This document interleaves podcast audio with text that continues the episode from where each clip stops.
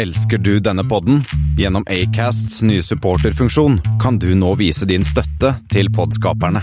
Det er helt opp til deg hvor mye du ønsker å bidra med. Klikk på lenken i podbeskrivelsen for å støtte podkasten.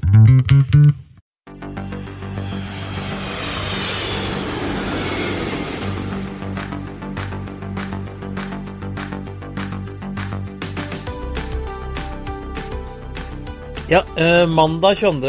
oktober så var eh, Thomas eh, Lone og jeg, Kristian Kamhaug, ordstyrere og debattledere på en, en, et debattmøte som Politeknisk forening avholdt i Oslo om framtiden i norsk luftfart.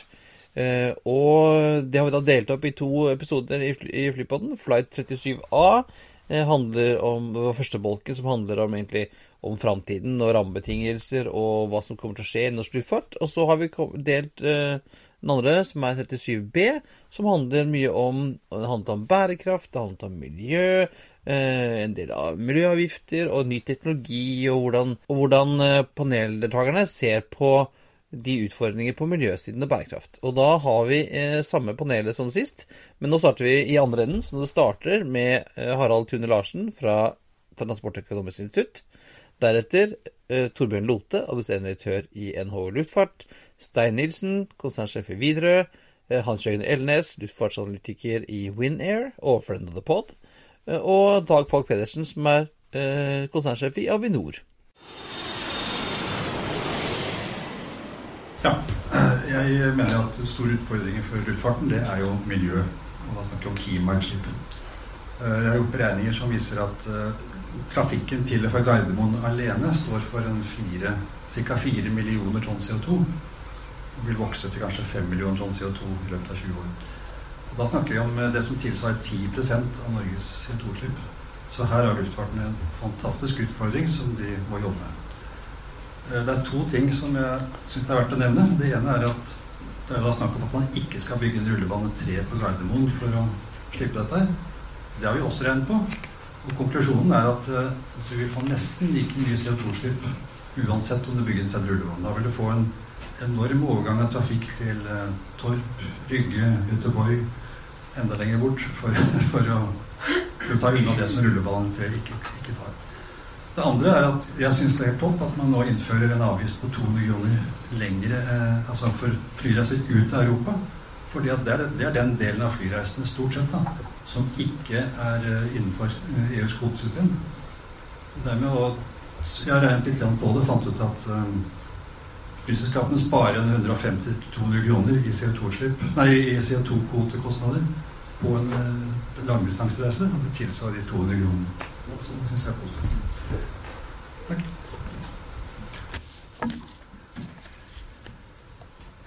Ja, jeg vil, jeg vil si det sånn Luftfarten er det mest miljøvennlige transportmiddel som fins. Eh, bortsett fra at det går på feil drivstoff. Det fikser vi. Eh, miljø, egentlig, miljø og klima er en utfordring i dag, men den er løsbar. Vi kjenner teknologiene. Det er en rekke teknologier som kan løse altså, den, så, eh, altså det, det, med å bruke fossilt brennstoff. Eh, hvis Rasmus Hansen hadde levd for 60-70 år siden, så hadde han antakeligvis forbudt toget. Han hadde sett seg blind på det øyeblikksbildet for 70 år siden, når toget gikk på diesel og kull og slike ting. Man kan ikke se seg blind på det øyeblikksbildet vi har for luftfarten i dag, ved at du går på fossilt brennstoff. Det er håndterbart. Eh, og det er egentlig ikke en diskusjon om teknologi, det er en diskusjon om hva slags skal vi si, insentiver eller drivkrefter man politisk setter for å bygge broen fra den kunnskapen vi har om ny teknologi, til å faktisk å realisere dem Til å kommersialisere dem Og jeg mener at det er to viktige drivere for det. Den første er selvfølgelig drivstoffprisen. Den utgjør omtrent 20% av kostnadene ved å drive luftfart. Eh, og i og med at konkurransen er blitt så tøff, så ligger det på alle produsenter av motorer, fly eller hva det måtte være, og få kostnadene og forbruket av drivstoff ned. En enorm drivkraft. Eh, det andre er at man har et kvotesystem. Og man er i ferd med å få et kvotesystem også globalt.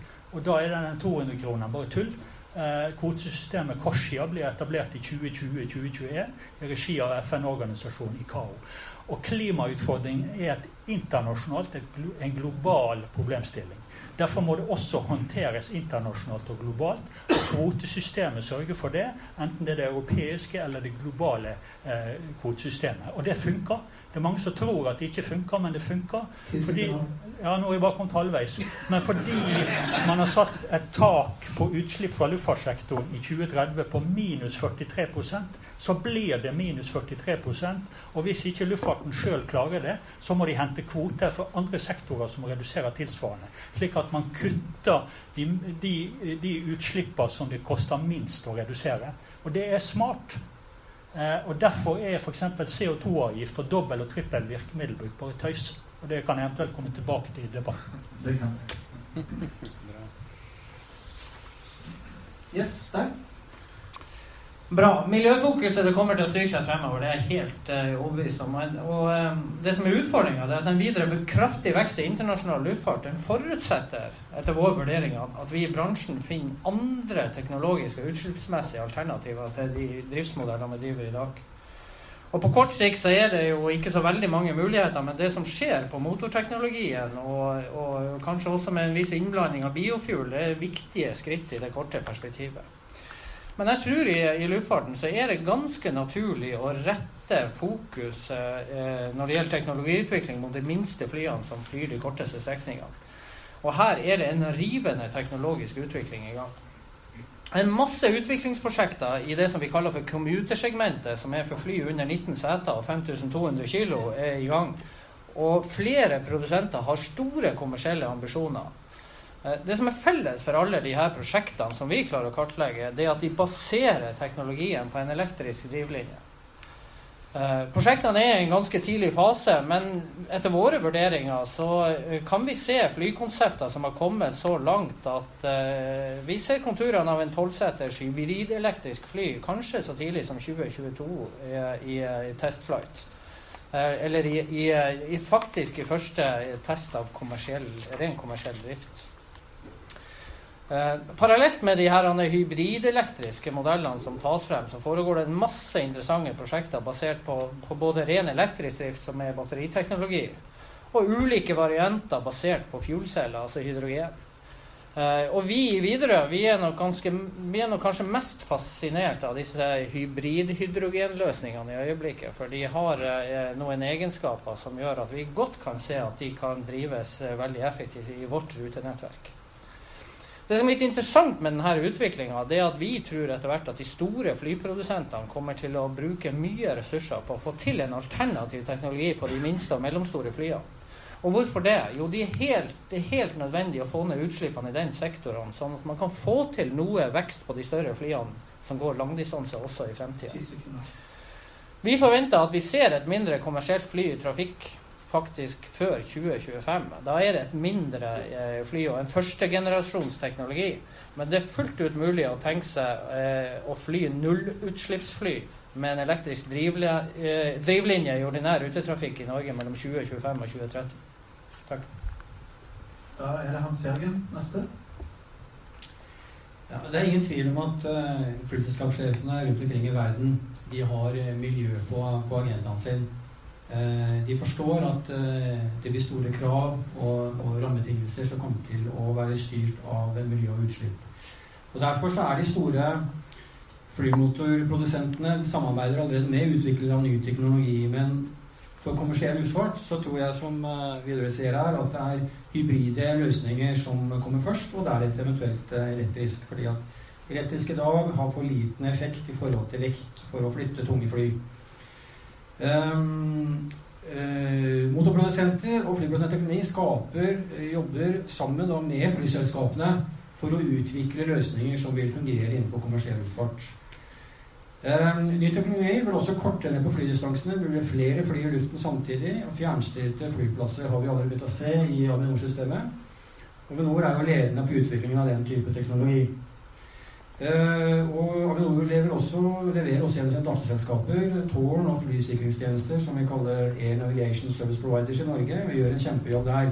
Det er veldig lite forstyrrelser fra norske flygeledere, som det, vi vet det var i gamle dager, men de er på topp i Europa.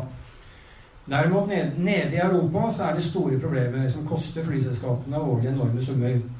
Hvert minutt en flyrute blir forsinket, koster 600 kroner. Flyselskapet, altså.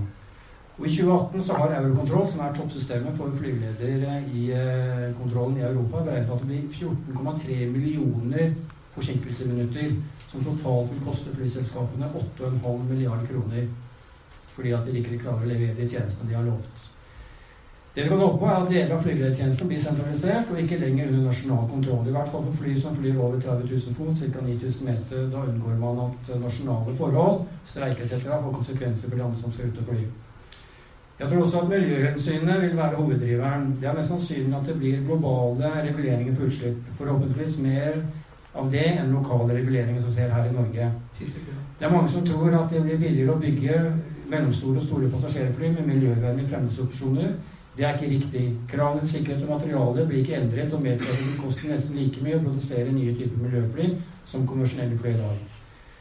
Luftfarten står for 2% av det totale CO2-utslippet i Norge. Myndighetene har et mål om at transportnæringen skal redusere utslippene 50% innen 2030.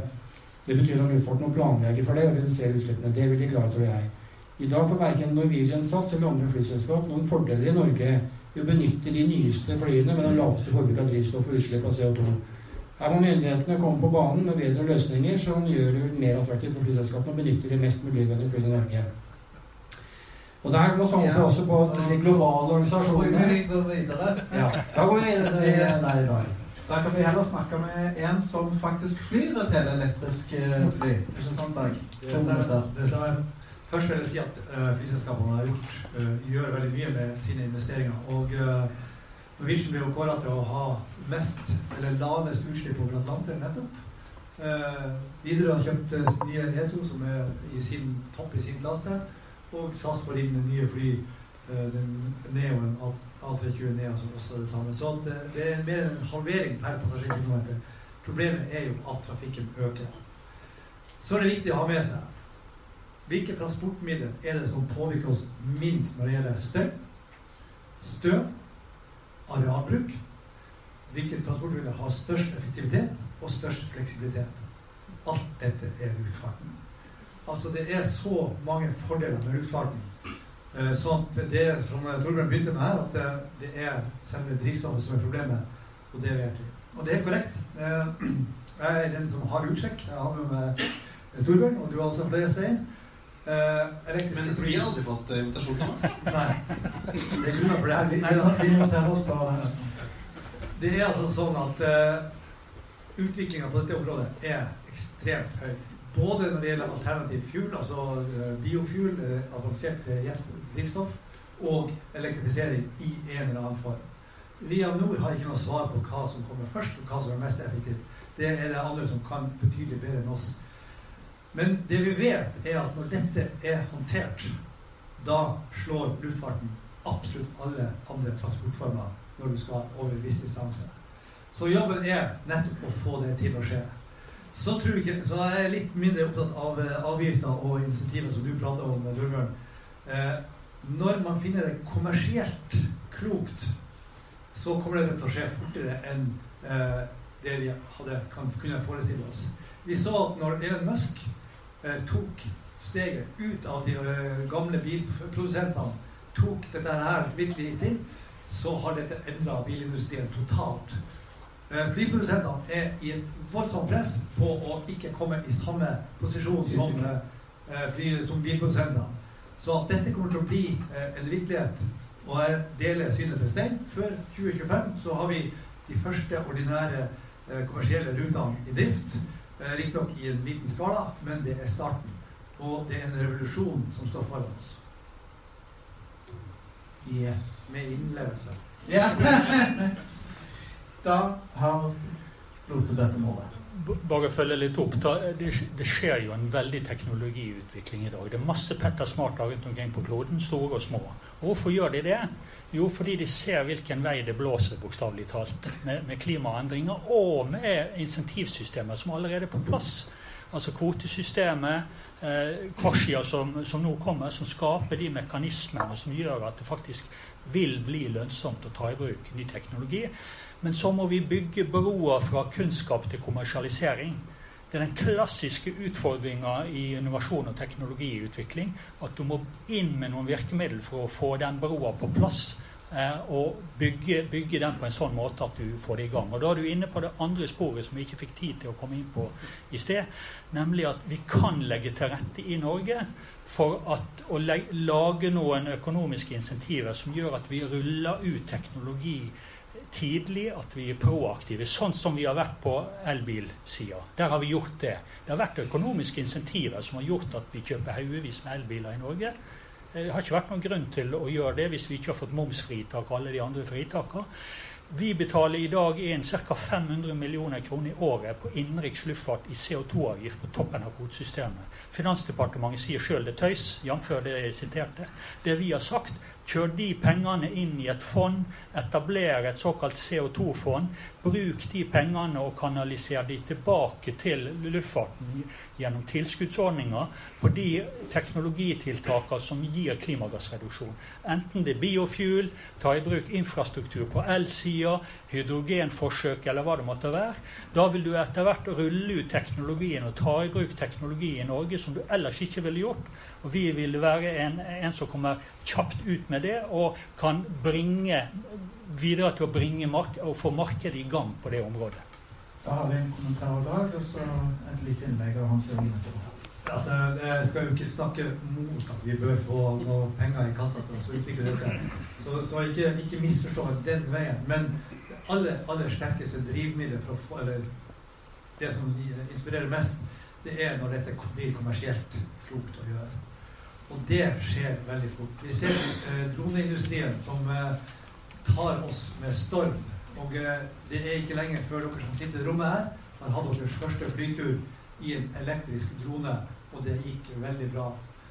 Det kommer til å være med på å drive teknologien, drive aksepten for å fly med strøm på en helt annen måte enn det som vi ser. Og det var veldig få initiativ når vi gikk fra stempelmottak til Viet. Jeg tror det samme kommer til å skje her.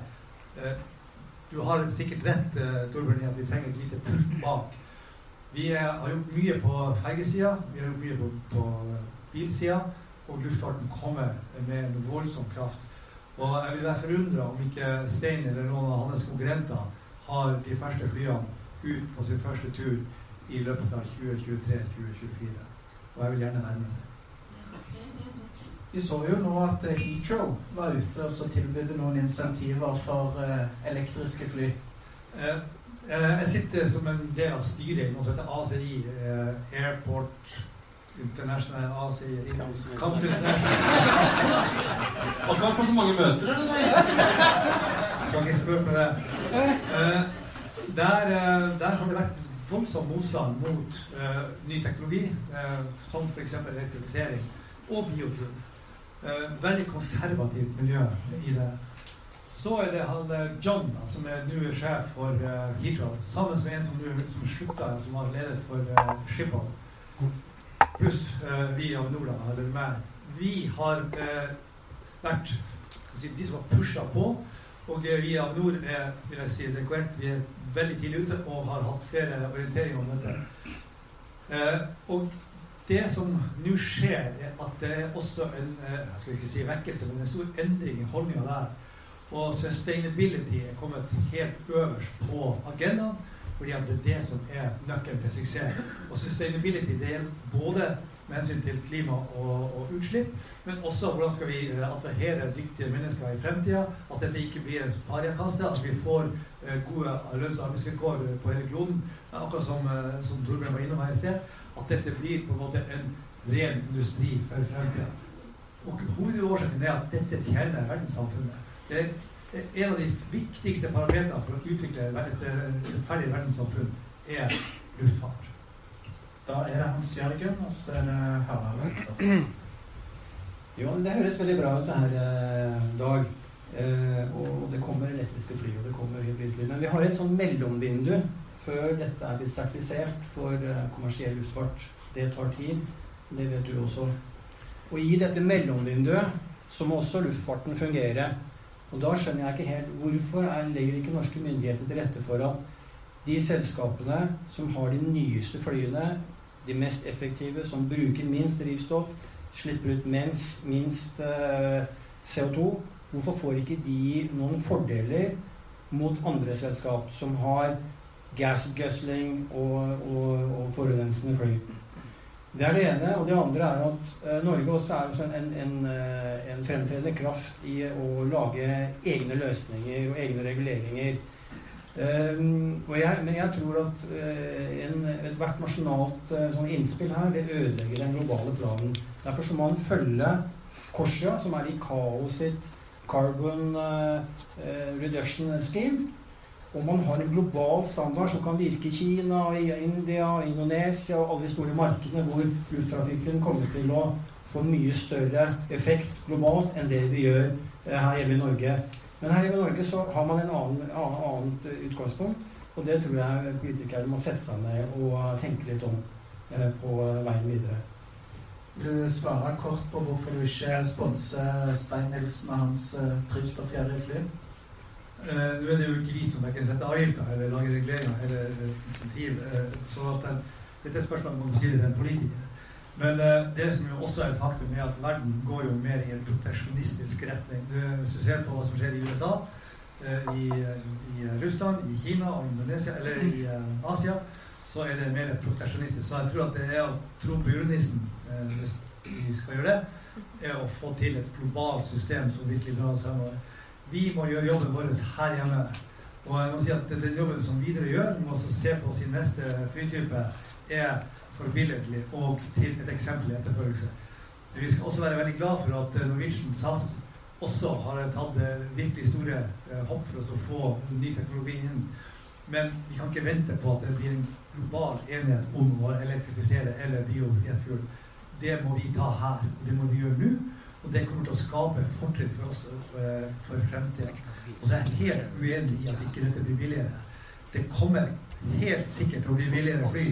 Det kan tro på. Det er når disse store aktørene blir utfordra, som Airbus og Boeing, av mindre aktører, så skal jeg love deg at de kommer til å få rakett i rumpa og levere billigere fly.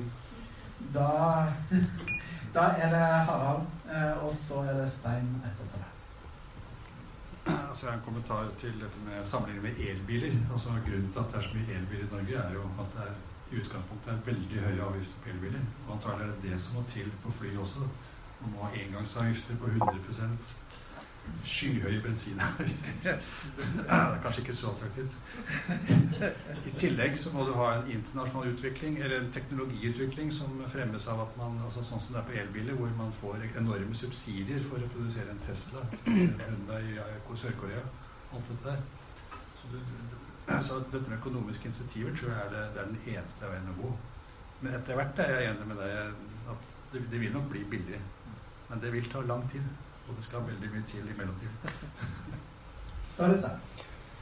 En av de grunnene til at vi er veldig sikre på at vi kommer til å få et teknologiskip på de minste flyene, eh, er det flere forhold til. Men eh, vi er jo det grønne flyselskapet, så det er selvfølgelig miljøet vi først og fremst er opptatt av. Men vi innser jo det at når vi skal fornye den kortbaneflåta som vi flyr eh, rundt med i dag, at det alternativet vi har der ute, det er altså flyteknologi som er tegna på 1960-tallet.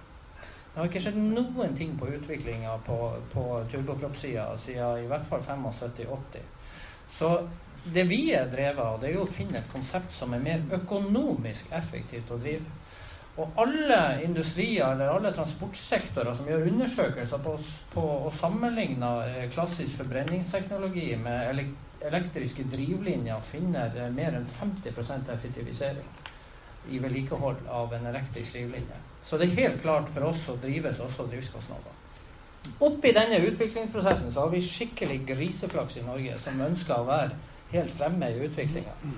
For det største problemet i USA det er altså congestions, eller, eller det, det, å kjøre bil mellom de store byene i USA.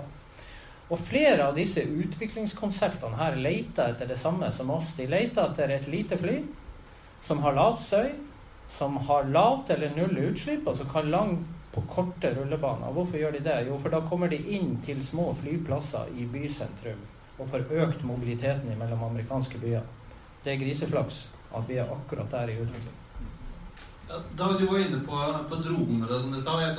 Uber jobber jo med et konsept med disse flyvende bussene sine. Så er jo egentlig en kjempesvær drone, og da trenger du ikke rullebane i det hele tatt. da. Og det, det vil sikkert eh, løse, eller være et eh, godt hjelpemiddel i litt annen type transport. Eh, Posten Norge holder på med et konsept sammen med Airbus sine droner for å bringe ut eh, eh, pakker og medisiner til mer grisgrendte strøk.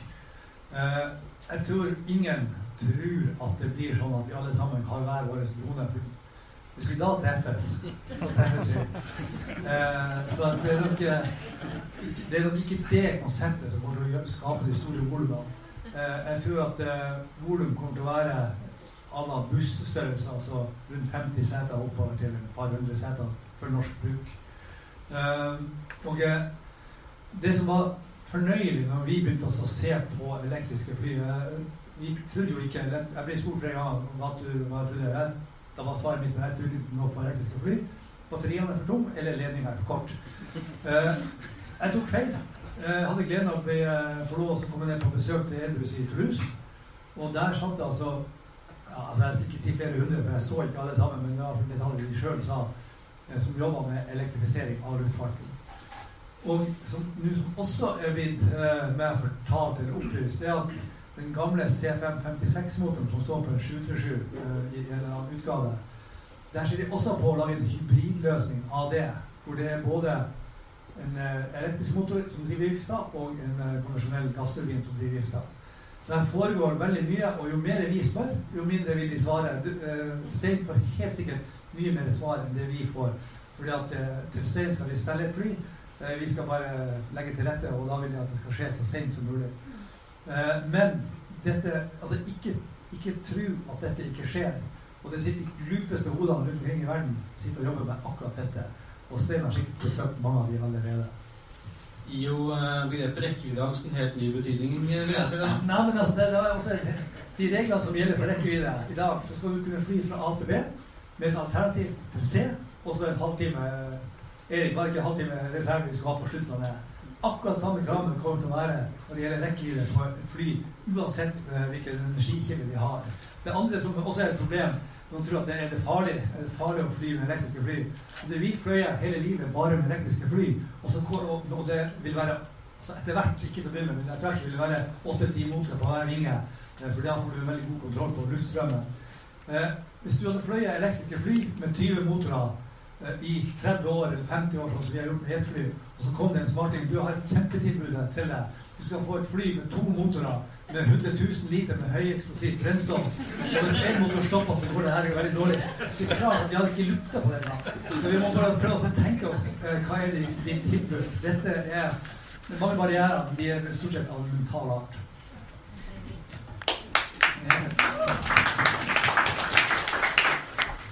Stein, du tar ordet. Ja, jeg tror man skal bare se at eh, denne teknologiutviklinga går fort, men jeg tror man skal være helt rolig. For det sikkerhetsmessige perspektivet som er i luftfarten, det kommer til å bli ivaretatt i alle dimensjonene. Og eh, en av de tingene som gjør faktisk at Norge er ganske attraktivt for disse eh, som driver forsker og utvikler og skal kjøre pilotkonsepter, det er at de vet at hvis de kan fly et fly i Norge, så kan det flys i resten av verden. Da er Hans Jørgen. Eh, jeg er helt sikker på det at vi, vi kommer til å se eh, utslippsfrie eh, kommersielle passasjerfly innenfor rimelig tid. Eh, og Det er også noe som eh, utenlandske flyselskapene eh, ser på i samarbeid eh, både EasyJet og Rolls-Royce og Siemens og Wright Brothers. Eh, de, eh, griper? Ikke de, jo, men de har stått opp igjen. Ja, ja. Um, de, Wright Electric heter det. Uh, de ser på fly. Du kan fly opp til 1000 km. Og det er liksom innenfor den der gjennomsnittlige flydistansen som man har i Europa. Det er rundt eh, 1 time og 30 minutter i effektiv flytid. Og da dekker man nesten der hvor de store trafikkstrømmene kommer. Og det er helt klart at dette, dette kommer til å komme, og det kommer også sikkert til å bli noe for, for Widerøe og de små flyplassene, kortbanebanen også. Og det er kanskje noe da kan bidra med. med. Men jeg mener at når du har et fly opp til tolv seter, så slipper du unna en sånn FAA-approval, altså sånn godkjennelsesprosesser, for å sette det inn i, i kommersiell drift.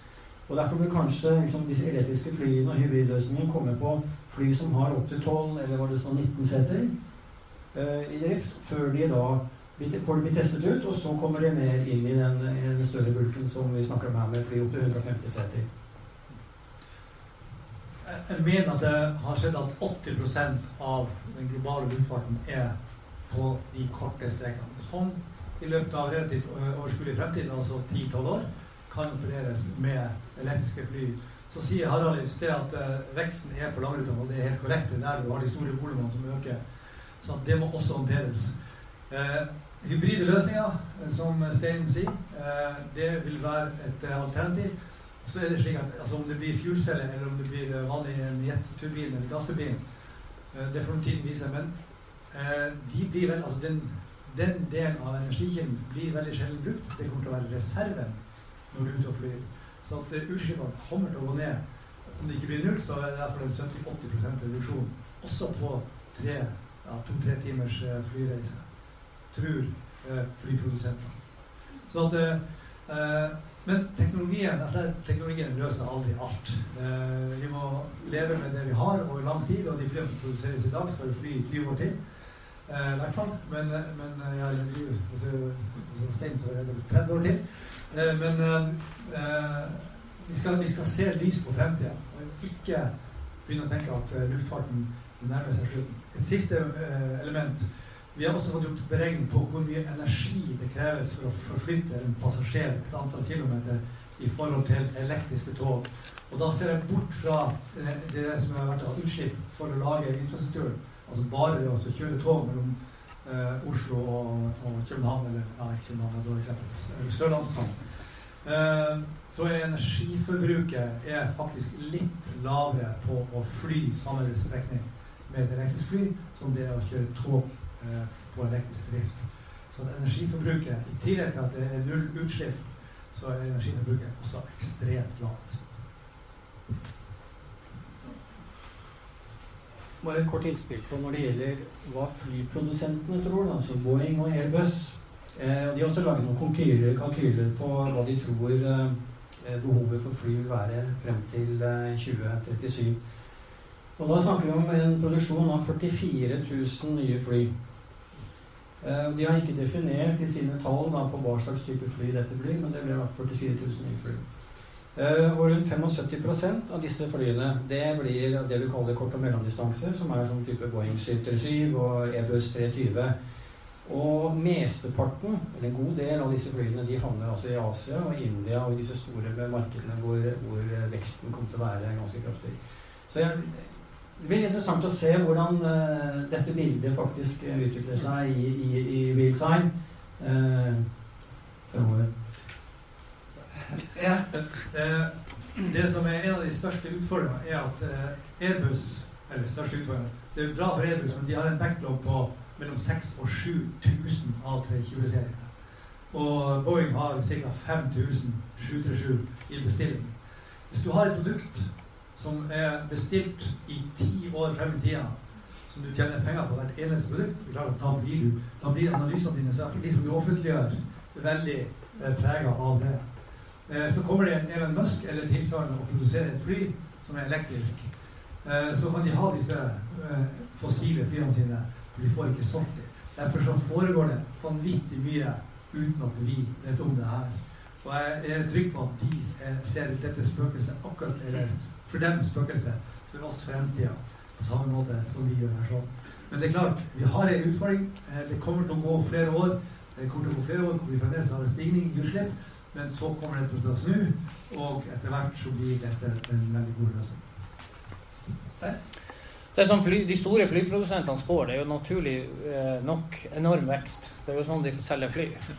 Men eh, jeg skulle bli veldig veldig forundra om eh, de vekstprognosene som nå legges, eh, blir tillatt politisk i et utslippsperspektiv. Sånn som kloden har det i øyeblikket. Det skulle man bli veldig overraska av. Og den eneste løsninga for å sikre at man kan fortsette å vokse på de lengre strekningene med de større flyene, det er at vi finner en annen teknologi på kort- og mellomdistanse. Jeg, jeg tenkte jeg har et spørsmål eh, til deg. Dag. Altså, Avinor kan jo legge til rette for en del ting i forhold til måten man gjør innflyvning på, eh, drive lufttrafikktjenester og sånn. Eh, ja, man har jo kurveinnflyvninger som man jobber med, og man har my mye må måter som man prøver å legge til rette for tra hvordan trafikken mest skal flyte mest mulig effektivt. Eh, hvordan jobber dere med det? Og, Ja. har, og har det noe å si i det store bildet? Alt, har, alt bidrar. Eh, alt bidrar både med hensyn til støy, eh, til støv og ikke minst til utslippet. Sånn at eh, vi, skal, vi skal og vi gjør det som vi mener er mulig. Og jeg tror vi var først, blant de første i verden til å etablere kurveinnflyvninger. For å eh, gjøre eh, flyreisen så kort som mulig. Men det er klart, i det store bildet så er det drivstoffet som er utfordringa. Eh, vi har supre både teknikere og flygeledere som, som sørger for at trafikken går, går bra. Og det er helt korrekt som eh, du sa i sted, at, at eh, i Norge så fungerer dette veldig, veldig bra. Men eh, når det gjelder klima, så er det nok ikke der løsninga fins. For de som lurer på hvordan det er å fly elektrisk fly, hvis jeg får ta et ord om det eh, Det var først, min første tur. eh, det var nede i eh, Italia. Eh, og det her var jo en, det er en liten toseter, maksvekt eh, på 560 kg og veldig utsatt for særlig vinder. Eh, og det blåste litt eh, der nede. Og uh, taxi ut. Det er altså helt støyfritt til du gir på gass. Da begynner vifta å svive. Eh, og du taxier ut, og det er veldig stille i flyet. Propellen gjør lager del støy. Det er den første generasjonens propell. Når du kommer frem til, eh, til stripa da, og trekker motoren til tomgang, så stopper propellen. Og da får jo en vanlig pilot angst. da er det helt stilt. Altså helt dønn stille. Så det er en, overgang. Men det å fly, altså det er utrolig enkelt å følge med eh, motorinstrumentene på en elektrisk maskin. Det er turtallet, det er hvor mange kilowatt du tar ut, og så er det hvor mye strøm du har igjen. eh, og det siste er veldig vesentlig i reisa. Eh, men veldig enkelt å fly. Helt ukomplisert. Uh, Vedlikehold er hver 2000 timer så skal du skifte en liter filter på, til 25 dollar. That's it. Uh, det her er jo første generasjon. Det er luftens buddy. Eh, og til å være luftens buddy, så er det en ganske fin buddy. Eller eh, Torbjørn og Stein, hva syns dere? Nei, Jeg syns det var helt uh, ok, da, men jeg kan bekrefte at han var veldig utsatt for vind. Så uh, jeg føler meg tryggere når, jeg flyr de uh, små grønne. Men, men ærlig talt, det er en utafor kroppen-opplevelse å, å seg ut der. Og ikke minst også når man drar på den stikka, og så er man i lufta. Jeg, det kunne ikke være mer enn 15-20 meter, så var vi i lufta. Det er en enorm effekt av den elektromotoren. Og det er jo det som gjør at jeg, denne teknologien her er så godt egna i Norge, der vi har så korte rullebaner. Så når man først har flydd et sånt fly, så jeg skal ikke si at man blir frelst, men man skjønner at det foregår et eller annet her som kommer til å sette et stort avtrykk på luftfartsindustrien fremover. Det er jeg helt sikker på. Torbjørn, du må også si hva du fløy med en veldig kompetent pilot, tror du ikke det? Jo, ja, bra du sier det. Jeg vil gjerne ha det skriftlig. da. Nei da, det funka veldig bra, det, og vi kommer helskinna ned igjen. Og altså. jeg, skal ikke klage, jeg. Og, men jeg tror det er mange sånne som jeg var inne på i sted, mange Petter Smarter som jobber med ulike løsninger. Og de kommer, de. Eh, før eller siden, når det kommer dryppende fremover i ulike størrelser, for, for å si det sånn. da. Bare for å kommentere det som eh, ble nevnt her eh, om eh, å differensiere avgiftene etter miljø. Det mener vi er feil. Luftfartsavgiftene skal dekke altså tjenester og service fra Avinor i forhold til å drive en operasjon på en lufthavn og opp i lufta. Så har vi egne miljøavgifter.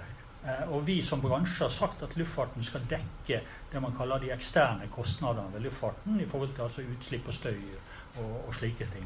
Og det har man laga et klokelig system på, nemlig det her er EUs kvotesystem, som gjør at man vil prise luftfarten riktig eh, i forhold til utslipp.